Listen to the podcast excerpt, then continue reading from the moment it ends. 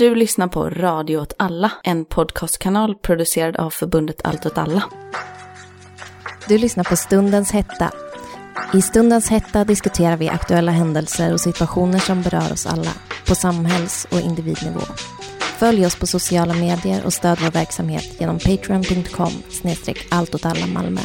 Eh, du lyssnar på Stundens hetta. Eh, det här kommer bli lite speciellt, för jag har haft covid och därför är jag lite andfådd. Eh, vilket betyder att Anna Hej! kommer, kommer behöva prata mer än mig. men, men vi får se hur det här går. Det här känns väldigt mycket så eh, covid-realism eller någonting. Ja, alltså jag, jag kommer ju klippa bort mina egna hissningar. Nej, gud, Eh, låt det vara. Jo, nej, nej, nej, fan heller. men men, men jag, jag tänker ju att så, för, för när jag har så sett på gamla filmer och sånt, jag kommer helt off topic här nu, men när jag ser på så gamla filmer eller serier, alltså gamla, mer än, mer än ett år gamla, eh, och det är så scener där folk, folk så hostar, så får jag en så fysisk reaktion, bara, nej, nej, nej, de måste gå hem nu. Men i Italien är det obligatoriskt att ha mask eh, när man går runt i stan. Så bara att se folk som inte har munskydd på filmer gör mig lite nervös faktiskt. Vi kommer verkligen behöva prata om det där, de, de kulturella konsekvenserna av det här. Mm. Men det är, det är ett senare projekt. Så det här nya formatet är att vi ska försöka spela in liksom under veckan med mer olika saker, så intervjuer och reportage och sådana saker.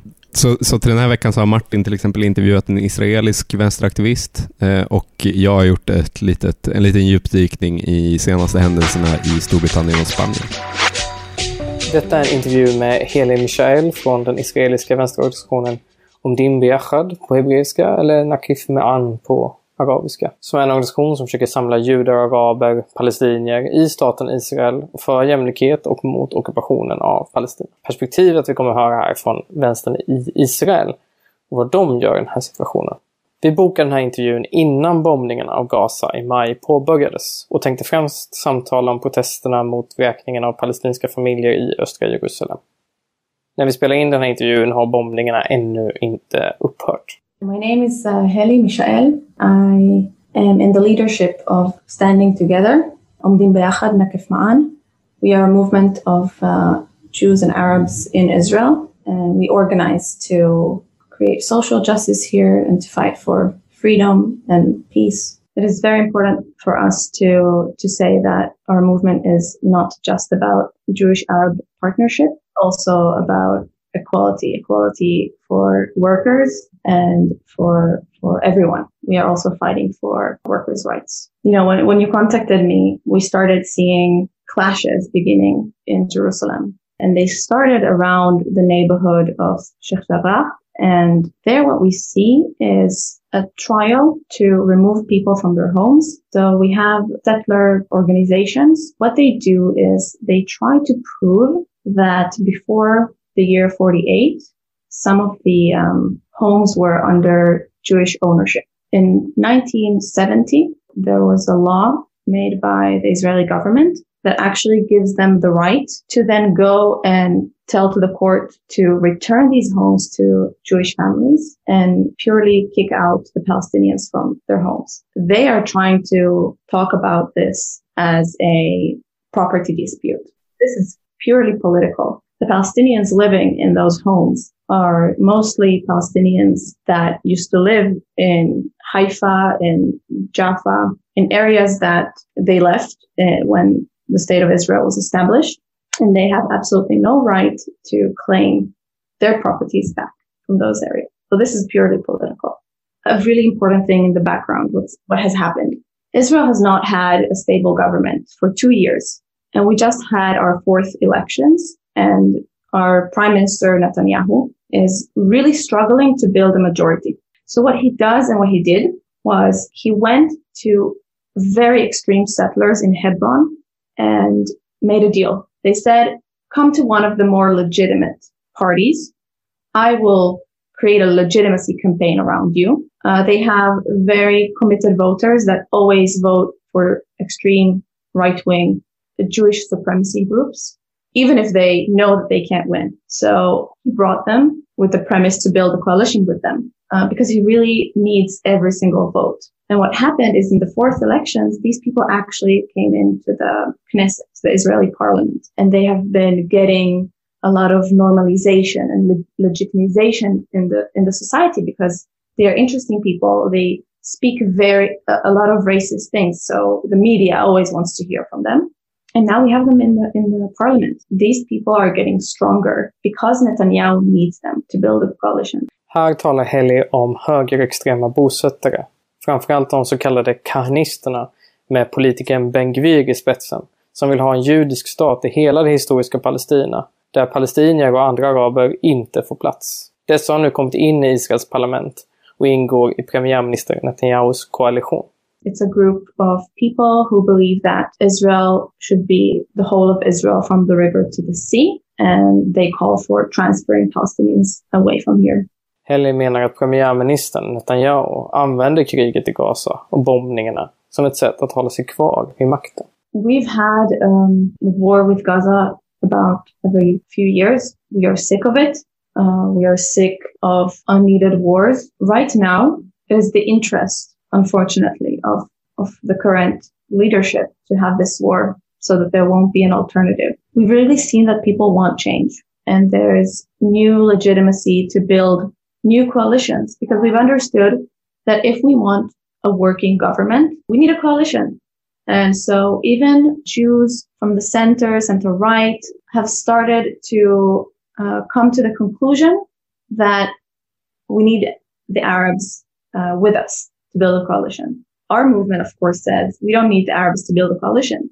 We need, we, we need to live with Arabs. We're destined to live together. They shouldn't be just a card in the game. We've seen growing legitimacy for a Jewish Arab coalition in the government. And the extreme right is scared of this because this is a direct opposition to its power. So right now they have all the interest to create war and conflict inside Israel in the West Bank and in Gaza to make sure that Jews and Arabs won't find the common ground. Right now, people have died on both sides and we've had children die on our side and they're not making a ceasefire.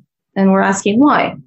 Uh, so that's the big question. Like, why is there no urgency to make a ceasefire deal? We really feel as people living here that we are being manipulated into war and death. Det som sker nu är enligt Heli givetvis kopplat till ockupationen av Palestina. Hon menar att det ligger i judars intresse att den ska upphöra. It's our interest to stop the occupation and stop the military control of Palestinians because of course that leads to violence. So it's all related to the occupation. It's all related that there's a part here that is the occupier and then there's the occupied. And that can only lead to violence. And if we want to stop violence and live in peace, we need to stop the occupation. There's no other way. What we're seeing right now is that because Standing Together movement is actually doing the organizing, we're building a democratic leadership. We have internal elections. We have trainings for our leaders. We have local uh, chapters. When there's a moment of war, last week we were able to mobilize hundreds of protests all over the country and really see how, how important it is that we've built this infrastructure to enable people to take part. Because what we really saw is that people do not want this war and they know that this war is for nothing. There's, there's no reason for this war. So we had 3,000 people contact us to create events in their own hometowns. Haley säger att det har skett en förändring i den politiska situationen i Israel och att de gamla politiska sanningarna inte längre gäller. Det finns här en möjlighet att skapa en annan framtid och en annan väg enligt Haley. In this specific moment, it's really clear to see that um, there's a clear majority against the war. Really, people are sick of it and really can see that this was the that this is a direct result from the right wing organizations kind of lighting little fires here and there and, and really making sure to stir things up. People can see that. It really helped us that the head of police said that out loud on national TV. He blamed uh, Ben Gvir that this is the result of their actions. We're, we're living in a moment of whirlwind where like old rules don't apply. We don't know how we're going to get through, what's going to wait for us after we pass this round of cycle. Things are changing. And when there is like crisis, the crisis has started from not just from this moment, right? It's started from not being able to build a government and then it continued to corona and now this we are going into a new new political situation. Netanyahu is does not have the majority in, in the knesset and that allows for people to start to speak. The old rules don't apply at this moment and but we still don't know where we're going towards right? We're still in the whirlwind and it is re- really our responsibility in standing together to use this moment also and take us to a better future. Because we could go also to a worse place. The kahanists are a small group. A lot of work has been done to build legitimacy to their group because they're needed because the right wing parties need them to build a coalition Jag frågade också Heli vad hon anser att vi utanför Israel-Palestina kan göra för att visa solidaritet med de som kämpar för jämlikhet i hela historiska Palestina. Keep doing what you do, amplify our voices, demand your media to tell the whole story. So we saw in Dagens Nyheter an article about a group of children who build peace together. Personally, when I saw that, you know, it's really important to talk about Jewish Arab partnership that recognizes that Palestinians are occupied, that recognizes that Palestinians in Israel are discriminated against. They're second class citizens. Demand your media to talk about this. You know, we don't want to paint a beautiful picture of Jews and Arabs being all friendly and eating hummus together. That's not our point. Our point is to build partnership in the struggles that we share if it's for workers' rights, if it's for liberation of Palestinians, right?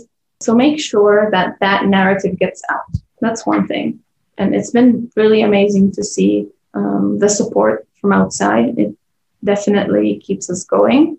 And try to find who to strengthen inside. A lot of times, Palestinian voices from inside of Israel are not heard because they have a more complex story to tell. So, whenever you can, try to listen to those voices too. You'll be surprised how much you can do internally if you have a connection to your Palestinian or Muslim community, or if you're a Jew and you have a connection to your Jewish community, or even as a citizen of a foreign country, there are ways that you can do from inside your country. See how your community can be involved in, in being part of the solution and wherever you see Islamophobia or anti Semitism, notice that those are issues that only help to deepen the conflict and occupation. In fact, taking care of racism in your own country can be a way to relieve the pressures of the people here. Det är ju eldupphör nu liksom. Israel har slutat bomba Gaza, eh, så vitt jag vet. Eh, och det verkar som att det, det följs. Eh, men, men, det, men villkoren för det är väldigt oklara fortfarande och allting handlar ju egentligen om en konflikt i östra Jerusalem, alltså bosättare som tar palestiniers bostäder helt enkelt och fördriver folk. Liksom. Mm. Och sen vad den här eldupphöret innebär i den situationen känns väldigt oklart. Så jag tänker att det är, mm. jag tänker att det är viktigt att, man, att vi, vi får väl återkomma liksom nästa vecka också. För att, för att det känns som att man går in i en mm. fälla om man, om man ser den här situationen eh, som, som liksom cykliskt. Att det är så, det blir, det blir en konflikt och sen eh, eh, bombar Israel Gaza och sen slutar de bomba Gaza och sen är det över. När det snarare, mm. när det snarare är så att Israel ständigt flyttar fram sina positioner. Eh, mm. med, medans allt det där händer. Och att man, man får liksom inte falla dit på att, att, att se det som överstökat till nästa gång nu, utan att det inte är över. Jag tänkte kommentera lite kring eh, Bidens beslut augusti till ett förslag att släppa patenten för vaccinet. Men det är, alltså det är så märkligt att, att Joe Biden vill uppluckra patenträtten på, på ett jättelönsamt vaccin. Det känns så oväntat. Eh, det här är ett förslag som eh, Sydafrika och Indien har tagit fram. Som har liksom konkreta saker att vinna på det här. Alltså det finns två liksom perspektiv att se på det här. Den ena är liksom, vad säger det här om Biden och eh, den här nya regeringen. Och det andra är vad betyder detta för liksom, vaccinationen globalt?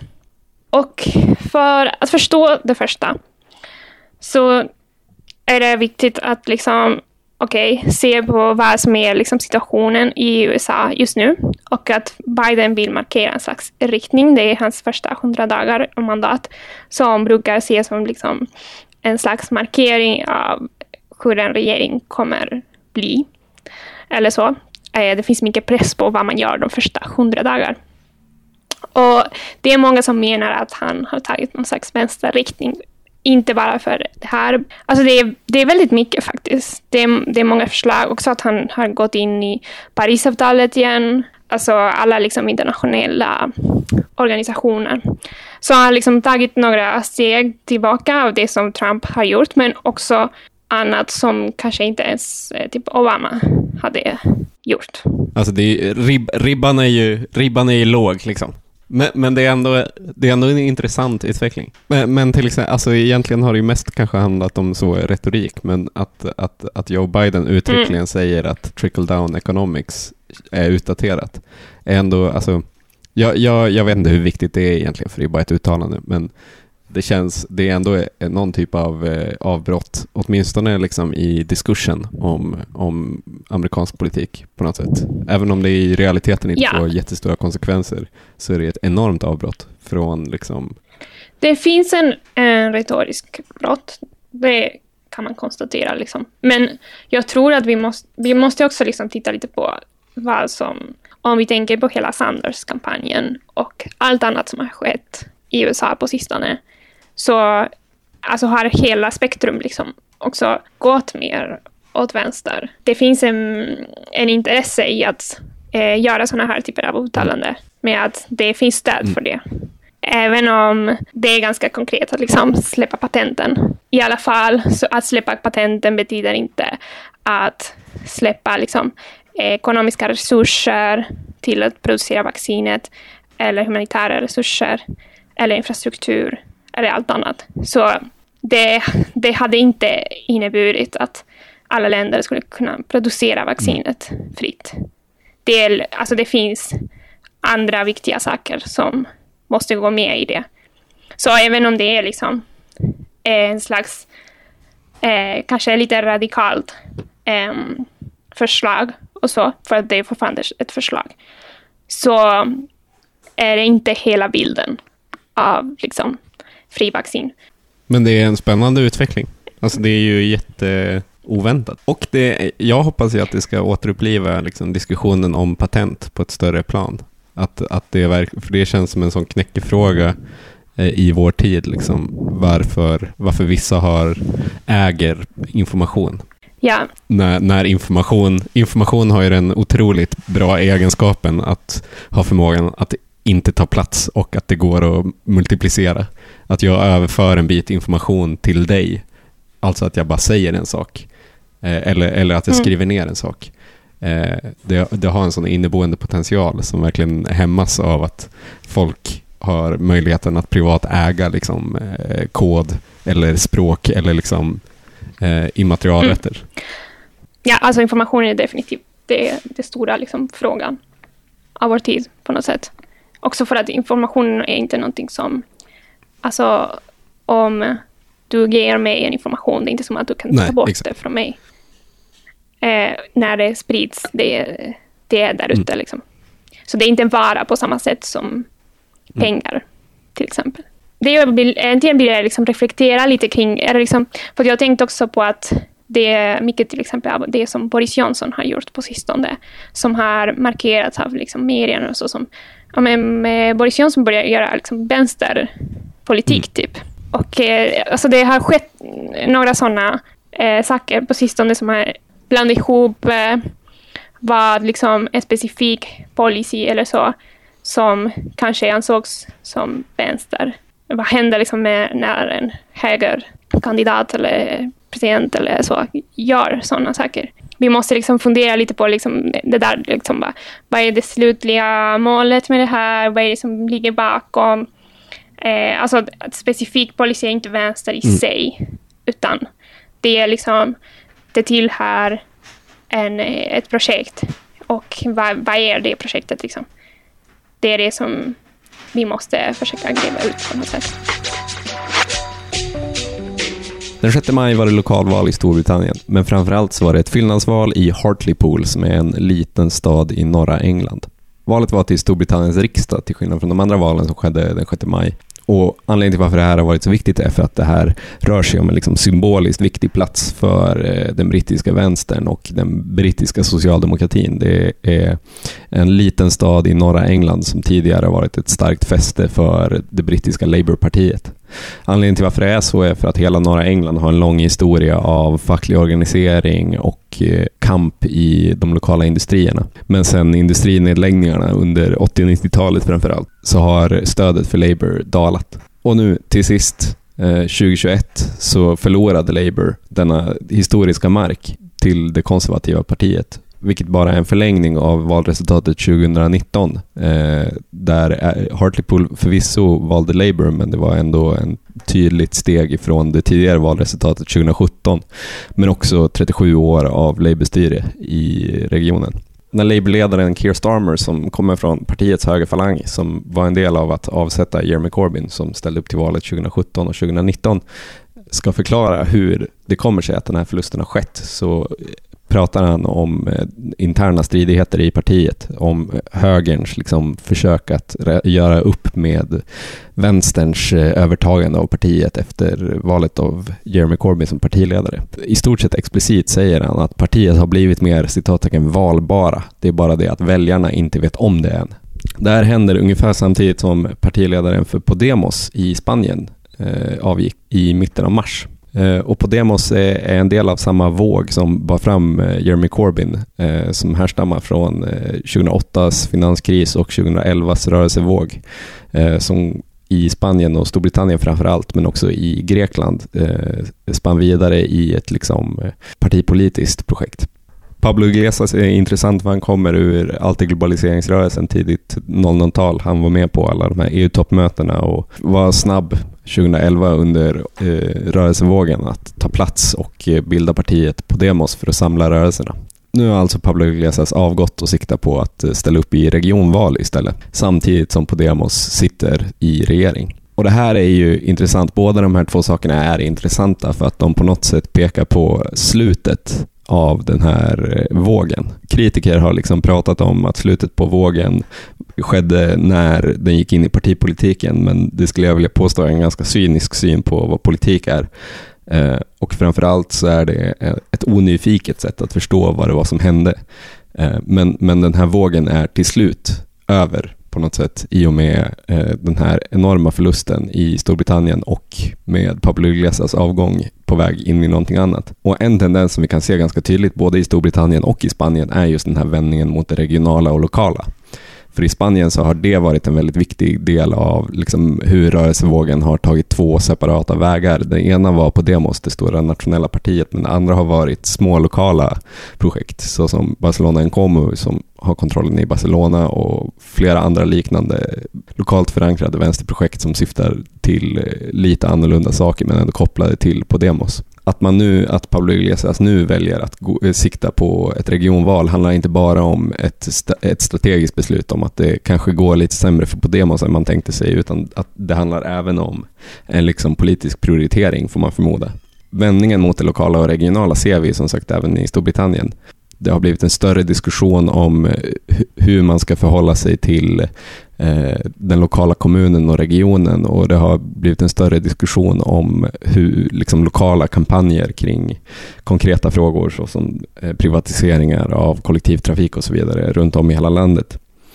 Eh, och det har nyligen släppts en bok av eh, Matthew Brown och Ryan Jones som heter Paint Your Town Red som bara handlar just om hur man ska, eh, kan vinna makt på lokal skala. Och boken, så vitt jag kan förstå, har fått stort genomslag den senaste tiden inom den brittiska vänstern. Så även om vågen är över så uppnådde de vissa saker som ingen annan gjorde, vilket man ändå måste ge den. Den skiftade skalan i det politiska samtalet, både i Storbritannien och Spanien. Eh, man eh, skapade mängder av nya institutioner och sätt att agera politiskt som kommer fortsätta vara spännande och därför måste vi fortsätta ha ögonen på dem. Och Det är därför det är extra kul att i juli, den 5 juli till 10 juli så kommer det vara Fearless Cities konferens igen. Och Fearless Cities är liksom ett nätverk av sådana här lokala projekt runt om i hela världen. Så det kommer vara väldigt spännande att se hur det här nätverket kommer gå vidare utifrån eh, de lärdomar som det senaste årtiondet har gett oss. Följ oss på sociala medier och stöd vår verksamhet genom patreon.com snedstreck allt åt alla Malmö.